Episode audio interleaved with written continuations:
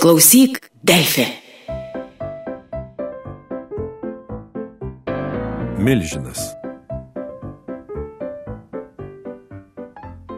Tankaus ir gudaus miško vidury, šimtamečio eglių paunksmėje, gyveno milžinas. Gyveno jis visiškai vienas, atsiskyręs nuo viso pasaulio. Žmonių jis vengė, o ir žmonės, gyvenantis netoli miško, prisibijojo milžino. Atrodys nelabai patraukliai. Didelis ir kresnas, ilgomis kelius siekiančiomis rankomis, visas apsamanojas, apaugęs kerpiam, grybais ir voratinkliais. Milžino ūgis buvo didesnis negu daugelio medžių, todėl vaikščiojas sulinkęs, kad galva nebūtų išlindusi iš miško o ir jis pats būtų mažiau pastebimas. Tik kartais norėdamas pasiražyti, milžinas išsitiesdavo visų ūgių ir pakildavo aukštai virš pačių aukščiausių eglių.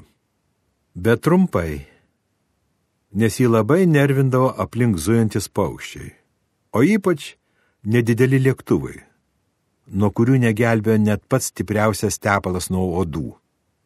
Tekdavo juos nuvaikyti išsirovus kokį didesnį medį. Naktį milžinas mėgodavo savo urve ant minkštų samanų, o dieną išlyzdavo paslampinėti po mišką. Kartą tai beslampinėdamas jis užsisvajojo ir netyčia atklydo į pamiškę, nors paprastai niekada taip nedarydavo. Netoli miško jis aptiko nedidelį gražų ežeriuką. Buvo labai karšta, todėl milžinas nusprendė, kad būtų gera atsivesinti gaiviame vandenyje. Jis atsiraitojo kelnes ir įsibrido.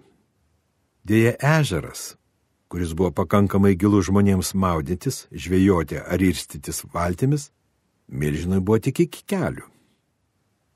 Iš pradžių jis ramiai braidė, atsargiai statydamas savo didelės kojas, bet vėliau įsidrasino ir ėmė kaip pašėlės lakstyti po visą ežerą ir taškytis vandeniu. Polisiautojai ramiai savo maudėsi ar dripsoja paežerėje, išsilakstė į visas puses. Žvėjai metė valtis bei meškerės, išspruko kuo toliau nuo siautėjančio milžino. Jis tol šėlo, kol ištaškė visą ežero vandenį. Liko tik tuščia, drėgna duobi su leisgyvėmis žuvimis. Milžinas supratęs, ką padarė, labai nuliūdo. Tada jis pasilipo ant šalia esančio kalniuko ir gerai apsidairęs pamatė už kelių kilometrų pulkelį lietaus debesų. Jis greitai pabėgėjo link jų, nusirengė savo švarką ir inirtingai jo mosuodamas atginė debesis prie nelaimingojo ežeriuko. Tada atsiraitojo rankovės, čiupo debesį savo tvirtomis rankomis ir gerai jos po vieną išgrėžė virš buvusio ežero ežeras vėl prisipildė švaraus, gaivaus vandens. Milžinas apsirengė švarką, kuo nuoširdžiausiai atsiprašė polisiautojų, žviejų bei žuvų ir grįžo į mišką. Klausyk, Delfi.